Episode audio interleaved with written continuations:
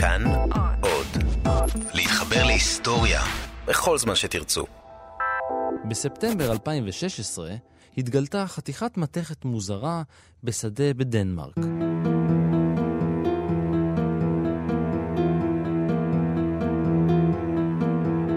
שני ארכיאולוגים חובבים הסתובבו בשטח עם גלאי מתכות, וכששמעו את הצליל, החלו לחפור.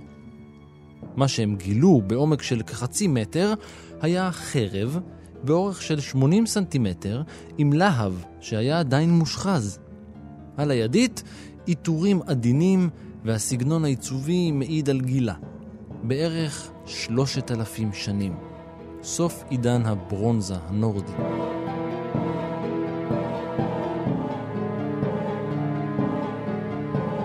לפי תיאוריית בני ישראל הנורדים, דנמרק, שבאופן מילולי משמעותה היא ארץ דן, היא מקום מושבם האחרון של בני שבט דן. זו תיאוריה חמודה להפליא, והיא מבוססת כולה על חוסר הבהירות שבמילה דנמרק. חלק חושב שדן הוא כמו תן הגרמני, שטוח, ארץ שטוחה. באנגלית דן היא מערה, ואולי זה היה בכלל שם של איש או לוחם. מרק היא מילה המתארת גבול או יער, אבל אף אחד לא בטוח. התיאוריה מספרת כי שבט דן נדד צפונה. כל הזמן צפונה. מגוש דן, דרך הבשן, מקום זרימתו של נחל דן, אל צפון סוריה, טורקיה, מזרח אירופה, ועוד ועוד צפונה. ובכל מקום בו התיישב, השאיר את חותמו בשם המקום. מקדוניה, דרדנל, דנובה, דניפר, דניסטר, דון ועוד אין ספור מקומות ושמות. שבט דן, על פי התיאוריה, עצר בדנמרק. רק בתחילת המאה ה-20, דני אחד המשיך צפונה.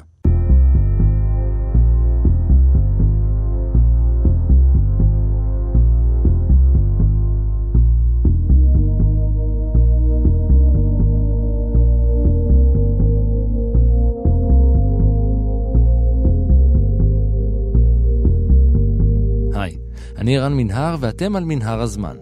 מדי פרק אנחנו מספרים לכם על מקרה שקרה בעבר מזווית שכנראה עוד לא הכרתם. הפעם אתם חייבים לקחת מעיל, לא סתם מעיל, אלא כזה עם פרווה עבה במיוחד, משהו כבד וחם, כי אנחנו יוצאים למסע אל הקוטב הצפוני כדי לגלות את האיש שגילה את האסקימואים.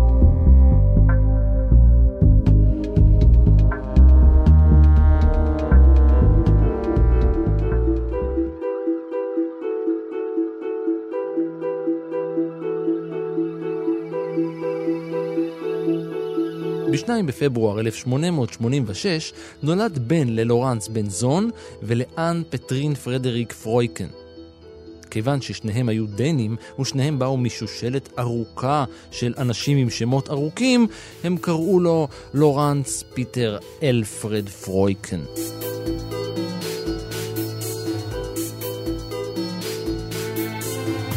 אביו היה איש עסקים, וכסף לא היה חסר למשפחה, וכשגדל פרויקן ג'וניור, הוא עשה בדיוק את מה שאבא אמר לו, והחל לפקוד את ספסל הלימודים באוניברסיטה של קופנהגן.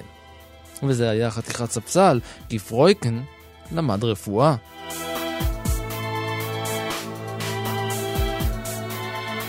אבל פרויקן הרגיש שהחיים בין קירות של בניין היו משהו שהוא לא יכול לעשות. אולי הלימודים היו יותר מדי בשבילו, אולי זה היה בגלל שזה היה בכלל הרצון של אבא שלו שילמד באוניברסיטה, כנראה שזה היה האופי שלו. במילים אחרות, הוא היה משועמם. הוא חיפש הרפתקאות, הוא חיפש ריגושים. לכן הוא פשוט עזב את הכל. עזב את הלימודים, עזב את הבית, עזב את המדינה, את הכל. הוא יצא להיות חוקר.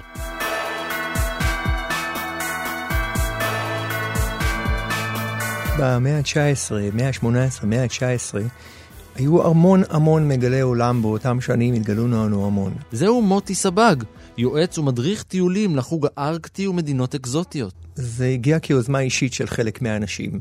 הבודדים ההרפתקנים, שניסו לחפש להם איזו הרפתקה גילוי.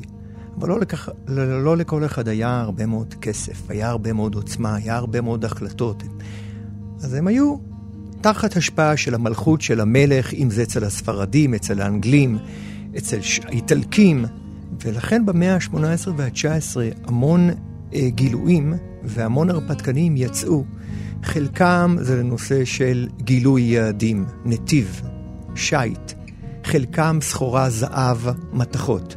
חלקם זה להגיע לתבלינים כמו שהיה במאה ה-15-16 לצד המערבי של העולם, להודו. וזה לא מתחיל במאה ה-18-19, זה הרבה שנים לפני, אלף שנים לפני עוד היו גילוי מסעות. לכן אותם אנשים בעצם היו נועזים, זה לא היה GPS ולא כפי שהיום פותחים מחשב, אנחנו רואים. הבלתי נודע, הסקרנות הזאת, הוציאה הרבה צעירים ואחרים ועזבו את מדינתם. אז uh, לזכור שבמאה ה-19 גם הייתה את ההתפתחות התעשייתית המאוד גדולה, של המון גילויים. אז זה היה גם באזור של ילדים בין אירופה לבין האזור של אמריקה, שכבר יש ארצות הברית.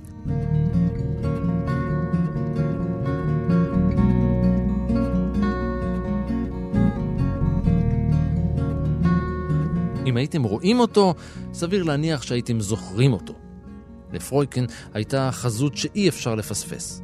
הוא היה מזוקן, שערו פרוע בדרך כלל, אפו היה רחב, ועיניו היו מרוחקות זו מזו. אה, כן, והוא התנסה לגובה של שני מטרים וארבעה סנטימטרים. בשנת 1906, כשהוא בן 20, יצא לגרינלנד, השכנה מצפון.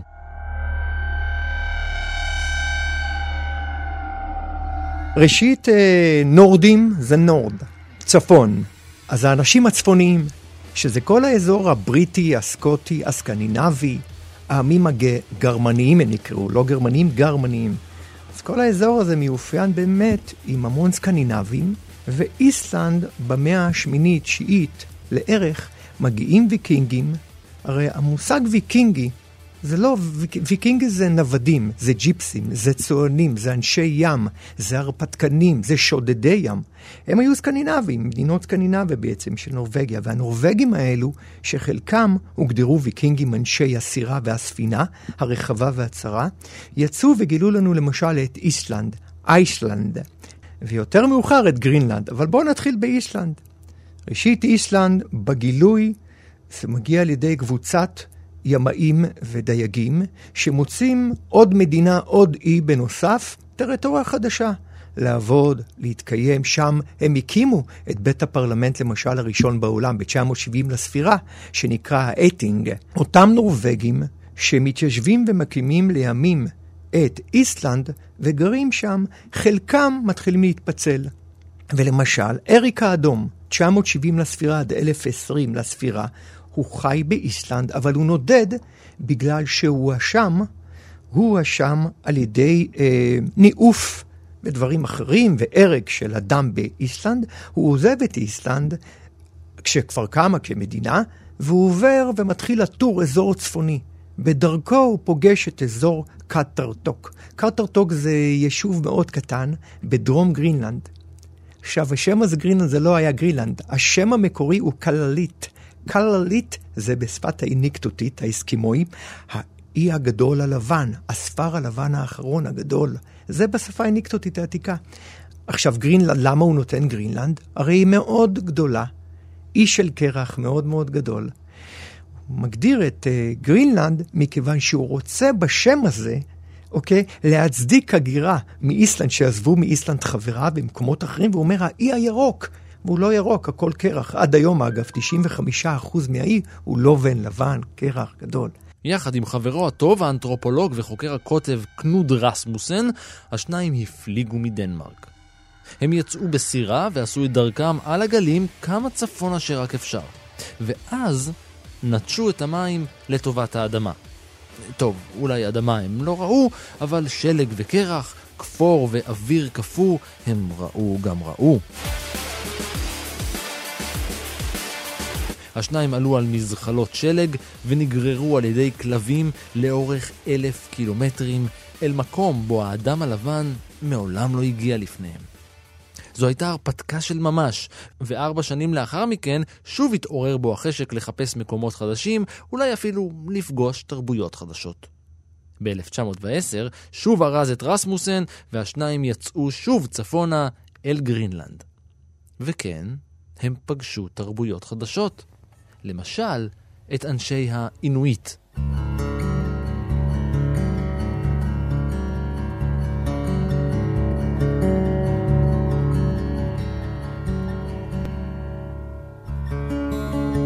השם האמיתי, אינואיט, זה אנשי הספר הלבן, האנשים אמיתיים.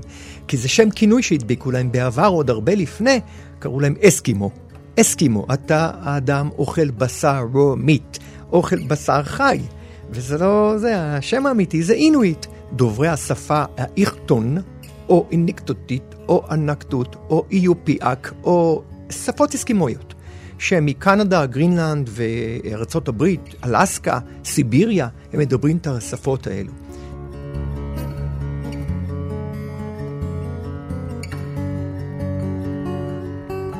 למרות שלא פגשו אף לא אדם אחד, כבר בתחילת המאה ה-19 הגיעו אירופים אל צפון מזרח גרינלנד ודיווחו על סימנים להתיישבות אנושית. כבר אז ראו כמה אינואיטים בודדים פה ושם, אבל פרויקן ורסמוסן היו הראשונים שעשו את הצעד האמיתי למפגש אמיתי. הם למדו את שפת האינואיטים, סחרו איתם והתלוו אליהם למסעות ציד.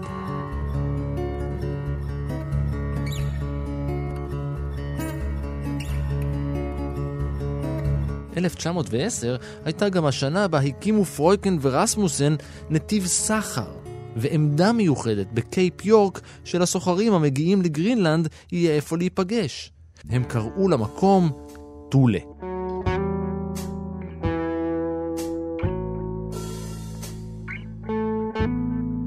זו מילה עתיקה מהמאה ה-300-400 לפני הספירה בכלל, על פיאס, שבעצם היווני הוא הגדיר את המקום את האולטימה טולה. אולטימה טולה זה כל ההגדרה של החלק הצפוני ביותר בעולם, יבשתי גיאולוגי. אנחנו מדברים על איסלנד, על גרינלנד, על הנקודות הדרומיות ביותר, שאז באותה תקופה בעצם היוונים בנדידתם הגיעו לאזור. אולטימה טולה זה גם היום אגב, הוא יישוב, טולה. בסיס הטילים האמריקאי הגדול ביותר בעולם ששולט על כל אירופה במלחמת הטילים והמלחמה הקרה עם הרוסים, אז הייתה הפרדה. עד היום הם יושבים שם אמריקאי, ה-Air Force, ה-Airbus, American Airbus, עד היום, פגשתי אותם אגב באוגוסט האחרון, כשהייתי שם, אז טולי זה יישוב קטן. היישוב האמיתי נקרא קנק, שזה היישוב הצפוני ביותר בתבל, יישוב אדם, עם כמה מאות תושבים שגרים שם, כ-600 איש. לא יותר. מאוחר יותר, טולה הפכה למקום אמיתי והייתה איסלנד אולטימה טולה הייתה גרינלנד.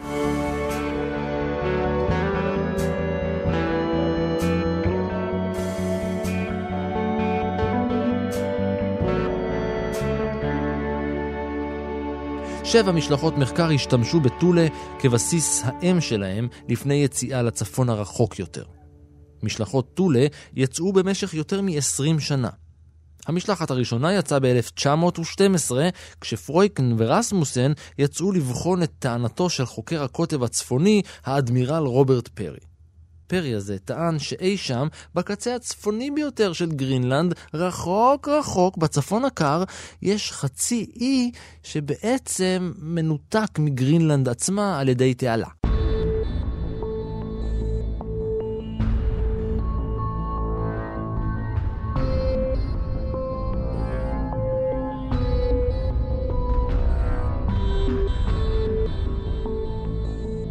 בסוף המסע הם הוכיחו שהוא טועה. אבל איזה מסע זה היה? מסע שכמעט הרג אותם. אלף קילומטר במזחלות שמושכים כלבים. הכלבים היו כלבי אסקי, המוגדרים אסקי, לימים היום קוראים לכלבים האלו כלבי המלמות. הם כלבי מעלמות, הם גדולים יותר, חזקים למזחלות, שהאסקים קטנים יותר, צרים יותר, נמוכים יותר, נמצאים באלסקה עד היום. אבל קנדה וגרינלנד אלו כלבים שעומדים במסה גדולה של 24 כלב ולא 12 כלבים, עם המון ציוד, והם יצאו כאלף קילומטר. נשיא החברה הגיאוגרפית המלכותית כינה את המסע הזה המסע המבריק ביותר שביצעו כלבים אי פעם.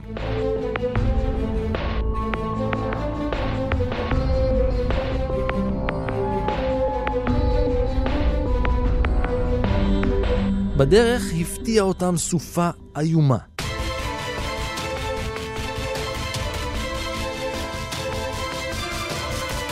המקום היחיד בו יכלו להסתתר היה מתחת למזחלת שלהם. זה היה רעיון מוזר, ובסופו פרויקן מצא את עצמו קבור תחת ערימה של שלט.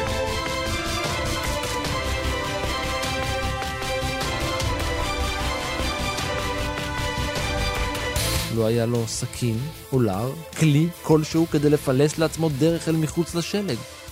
פרויקן עמד למות בתוך קבר של קרח.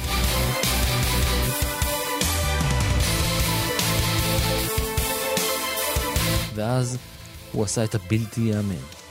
תחזיקו את הבטן, הוא השתמש בצואה הקפואה שלו בתור פגיון וחילץ את עצמו מן המוות.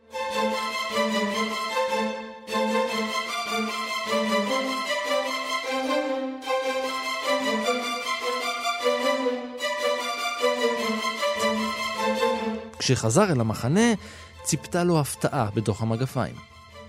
אצבעות רגליו קפאו והחלו להירקב. כוויות קור השתלטו על כפות רגליו, והוא היה חייב לעשות משהו, אחרת היה מאבד את הרגל, או גרוע מכך, מת. אז הוא עשה משהו.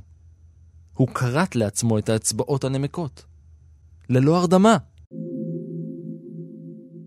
זה דרייב, הרי לא היה מאחוריהם איזה משלחת מלך, איזה גוף גדול, חברה, שאמרה להם, בוא תגלו לנו, האם פרי צודק או לא. זה דרייב שלהם היה, אה, זה, זה משהו של איזה אה, כמהה לנושא של הרפתקנות, לראות, כי הוא גר כבר שם, הוא התאהב באינואיט, הוא התאהב בעם האסקימו, הוא התאהב במקומיים.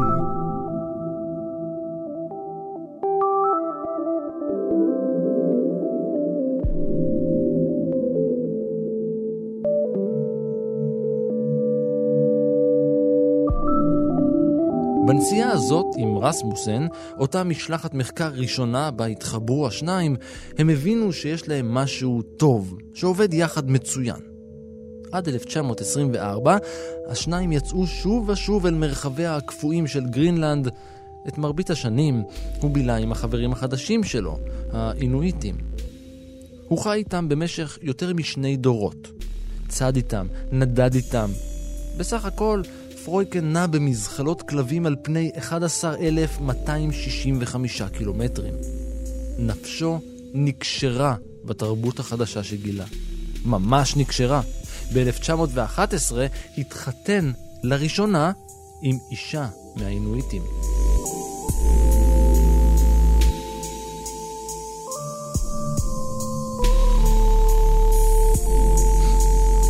קראו לה נברנה מקופלוק, והם הביאו שני ילדים, בן בשם מקוסק אוואטק איגימה קוסוסוק טורן גואה פלוק, ובת בשם פיפלוק יטוקו מן גואה קסלוק פליקה הגר. שהיום השמות הרבה יותר מקוצרים, השמות היום הם הבן או הבת של הזכר האבא, של המשפחה וקצר יותר, אבל השמות היו באמת שמות ארוכים מאוד מאוד, זה שמות האיניקטוטית הידועים שהם הגיעו מסיביריה בנדידות של אלפי שנים האחרונות, של אלפי שנות היסטוריה. אבל האידיליה נמשכה רק עשור, כי אנשי הקוטב הצפוני מעולם לא פגשו מישהו מהעולם המערבי. לא אותו ולא את החיידקים שלו.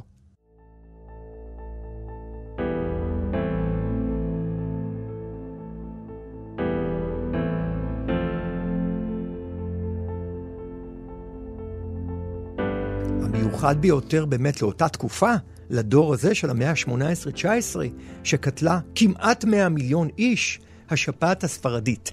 היא שפעת מזן פגע בחוסן הגופני של הרבה מאוד אנשים שלא התחילו לייצר חוסן ועמידה בנדידות של העולם המערבי עם בעלי חיים, סוסים ובעלי חיים אחרים שהגיעו לאזור של ילידים אינואיט, אסקימואים, אינדיאנים וכל השמות מסביב, תרבויות עתיקות. נברנה מקופלוק, אשתו של פרויקן, חלתה בשפעת הספרדית, מגפה קטלנית שהשתוללה במשך שלוש שנים והדביקה חצי מיליארד בני אדם ברחבי כל העולם. עד 100 מיליון איש נכנעו למחלה, חמישה אחוז מאוכלוסיית בני האדם בעולם הושמדה. ב-1921 מתה גם נברנה.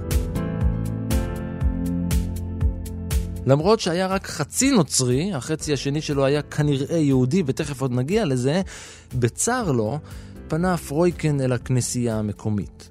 סידורי הקבורה היו חייבים להיערך. הוא רצה שתיקבר בבית העלמין של הכנסייה באופרנביק, אבל הכנסייה סירבה. נברנה מעולם לא הוטבלה לנצרות, ולכן לא יכולה להיקבר אצלם. לכן נאלץ פרויקן לקבור אותה בעצמו.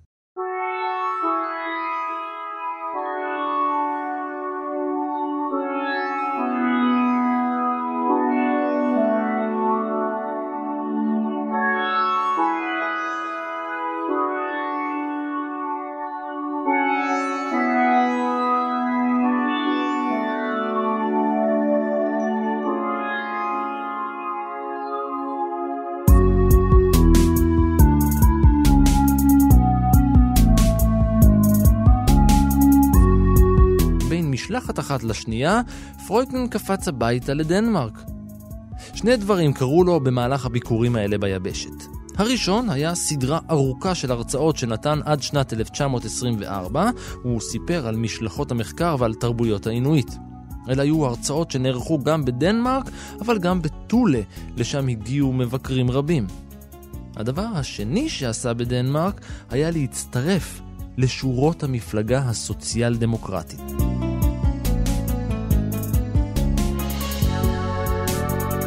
הוא היה פוליטיקאי אה, והוא היה איש עם המון פילוסופיה. הוא הכיר והבין מעבר לחקר ואיש גדול ממדים, זקן בצפון העולם, הוא ידע לדבר וגם לכתוב. הוא כתב. הוא למשל, עם העיתון המפורסם של דנמרק, פוליטיקן למשל, הוא כתב שם את כל המאמרים שלו על גרינלנד.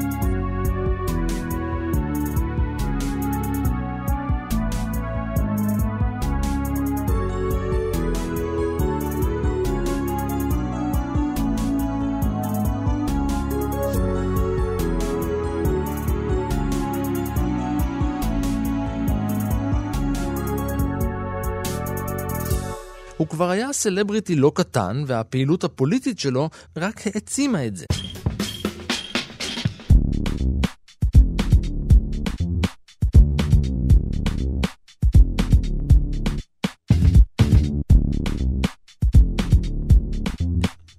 במעגלים החברתיים בהם הסתובב, הכיר את מגדלנה ואנג לאורידסן, גם שחקנית קולנוע ותיאטרון שהשתתפה בשני סרטים אילמים, וגם הבת של מנהל הבנק הלאומי של דנמרק. היא הייתה גרושה, ואחרי שהכירו, הם התאהבו, ובשנת 24 התחתנו בפעם השנייה.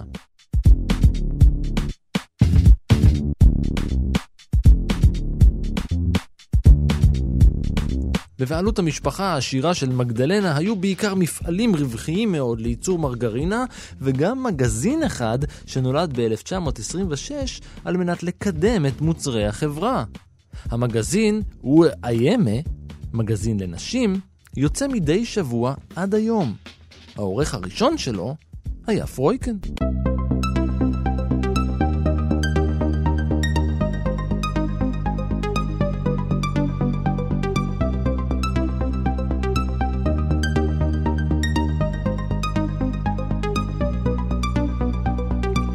אמצע שנות ה-20 היו טובות עבור פרויקן. עם כניסתו לעסק המשפחתי של אשתו, הוא גם עשה רכישת קרקע.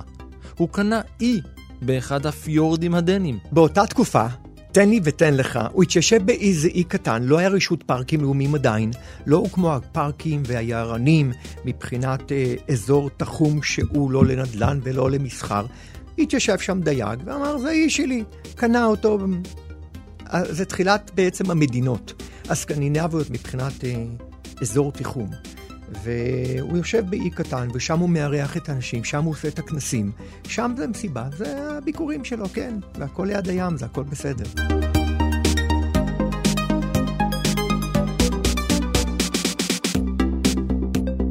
חוקר, מגלה ארצות, הרפתקן, אנתרופולוג, פוליטיקאי, איש תקשורת. פרויקן היה גם סופר לא קטן. טוב, הוא לא היה קטן מלכתחילה, אבל במהלך שנותיו פרסם למעלה מ-30 ספרים, המפורסם שבהם היה ספר על האסקימואים שראה אור בשנת 1961. מדובר ביצירה אוטוביוגרפית, ובספר הוא מתאר את חיי האינואיטים, את חייו איתם. אבל הייתה עוד תעשייה שפרויקן לא שם את ידו עליה, וזה עמד להשתנות. בשנת 1932 שב פרויקן לגרינלנד למשלחת נוספת, הפעם במימון אולפני הסרטים מטרו גולדווין מאייר, MGM. מה הקשר לאולפנים מהוליווד? במשך שנים קשר עצמו פרויקן לתעשיית הסרטים כיועץ מיוחד, לפעמים אפילו כתסריטאי, בהפקות שצולמו או בהפקות שעסקו בקוטב ובאזור הארקטי. בשנת 33, אחד הספרים שכתב עובד לסרט אסקימו, ופרויקן אפילו כיכב בו בדמות קפטן ספינה.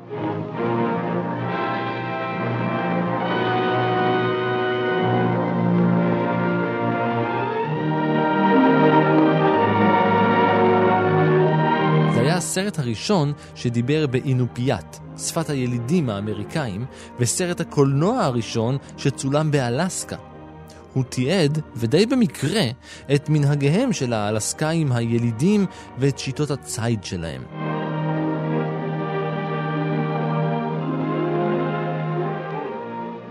Oh, באותה השנה זכה הסרט באוסקר.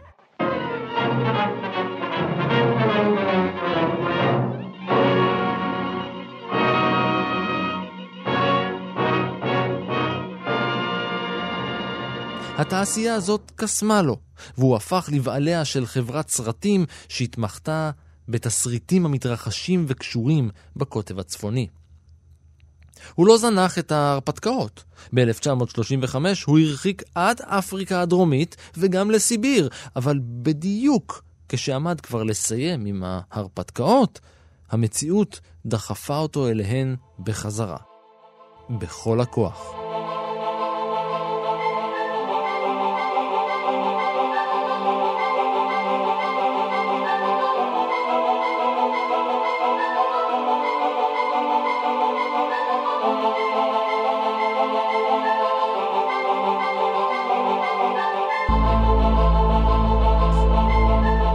מלחמת העולם השנייה טלטלה את אירופה והפכה את היבשת מכל הכיוונים. הכי קל לפרויקן היה להיעלם אל עולם הקרח בגרינלנד, להסתתר אצל חבריו האינואיטים עד סוף המלחמה. אבל ככה אתם מכירים את פרויקן? האיש הענק הזה היה רגיש בצורה יוצאת דופן. בעיקר הפריע לו אפליה מכל סוג שהוא, על רקע דתי, גזעי, מגדרי, ימי מלחמת העולם השנייה היו ימים אפלים של אפליה מהסוג הקשה ביותר.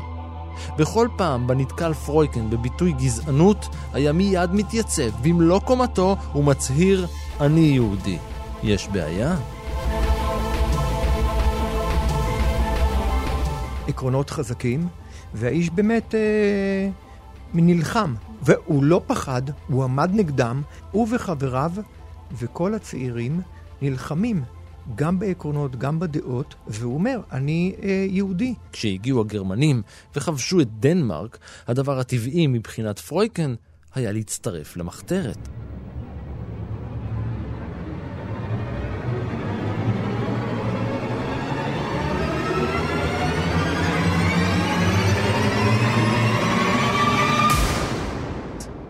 למרות שאיבד רגל, הוא לחם בשורות הארגון האנטי-נאצי וסייע לפליטים לחמוק מידי המפלצת הנאצית. בתוך כל המהומה, במהלך המלחמה, אחרי עשרים שנות נישואין, התגרש פרויקן מאשתו. הוא הפיץ תעמולה אנטי-נאצית, והיה גורם כל כך משמעותי בהתנגדות הדנים לנאצים, שעל פי אחת השמועות, היטלר עצמו שם אותו על הכוונת הגרמנית. בהוראתו נתפס פרויקן על ידי הנאצים ונכלא. למרות שנגזר עליו דין מוות, הוא הצליח להתחמק ולברוח מהמאסר, מהנאצים ומדנמרק. הוא הגיע לשוודיה. השנה הייתה 1945. באותה השנה, ממש עם סיום המלחמה והכנעתה של המפלצת הארית, הכיר את דגמר קון. כהן.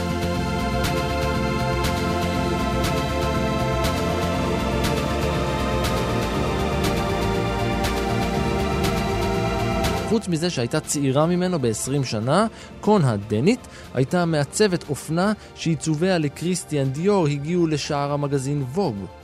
הם התאהבו, ואחרי שהתחתנו, עברו כזוג נשוי לתפוח הגדול, שם עבדה קון. ושם הם היו בטוחים בניו יורק, הנאצים לא ירדפו אותם יותר.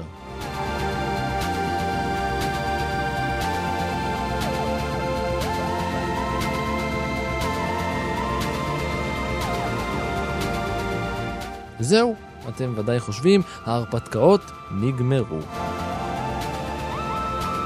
ובכן, בעיר הגדולה הוא הצטרף למועדון אקסקלוסיבי בשם ניו יורק אקספלוררס, מגלי הארצות של ניו יורק, אם תרצו. הוא היה אחד הכוכבים במועדון.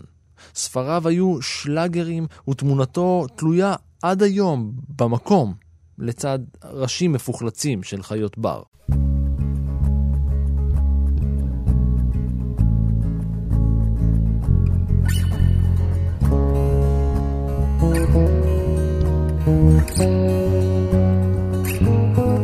זה המועדון של החלוצים שמגיעים מכל העולם, אוקיי? שם היה הרבה מאוד כסף.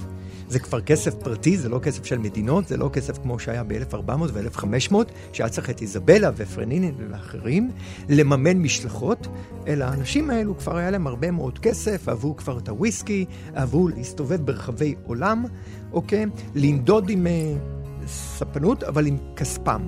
אם זה להגיע לרוקיס הקנדים במערב, ואם זה להגיע לצפון צפון אה, קנדה, או לאזורי סיביריה, וזה המועדון האקסקלוסיבי של הניו יורק אקספלורר. זה מעין ההשבחה של ה-National Geographic.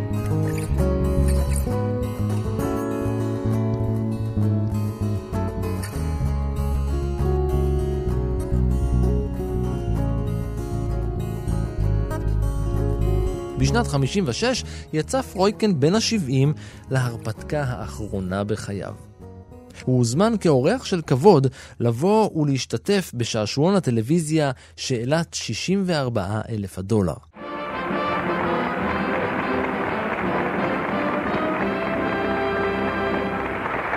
Bill, who is Revlon's next guest? Well, Hal, our next guest on the golden threshold of the $64,000 question is from Thule, Greenland, Peter Freuchen.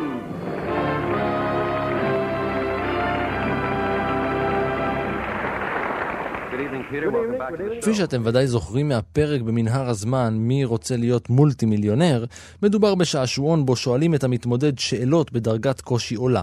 השאלה האחרונה הייתה שווה 64 אלף דולר. מלא כסף. בכסף של היום זה יותר מחצי מיליון דולר. Peter, do you mind if I make a personal observation about you? Oh, no, go ahead. Well, with your beard and the salty air about you, did anyone ever tell you you resembled Captain Ahab and Moby Dick? No, no, sir. But by the way, I heard they made a movie of it and uh, Greg Peggy's playing it. It's very flattering.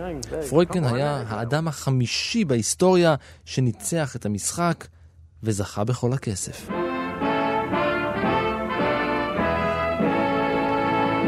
נושא השאלה היה תחום המומחיות שלו, שבעת הימים.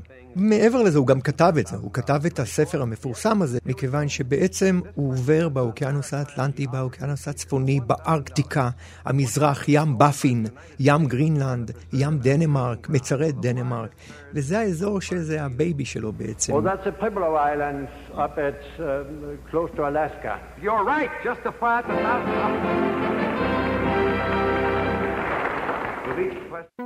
the שנה לאחר מכן הוענקה לו מדליית זהב על שירותו למין האנושי בפתיחת גבולות חדשים.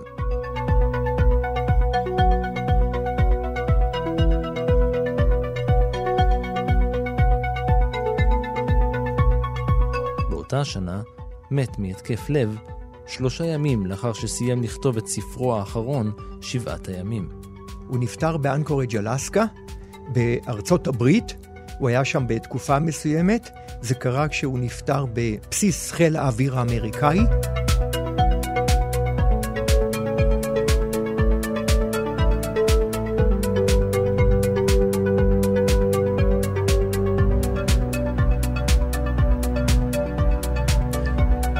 עפרו של פרויכן פוזר על פני הר שטוח על יד אה, תולה בגרינלנד.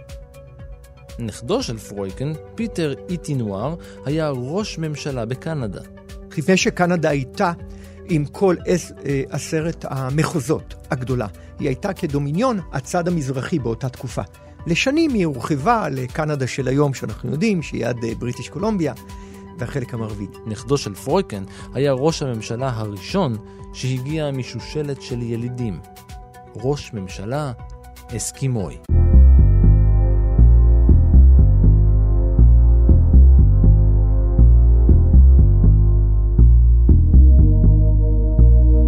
ועד כאן מנהר הזמן להפעם. תודה למוטי סבג, תודה גם לאור מנהר שיצא מהאיגלו והיה על ההפקה, ולניר גורלי שהתלבש חם חם והיה על העריכה.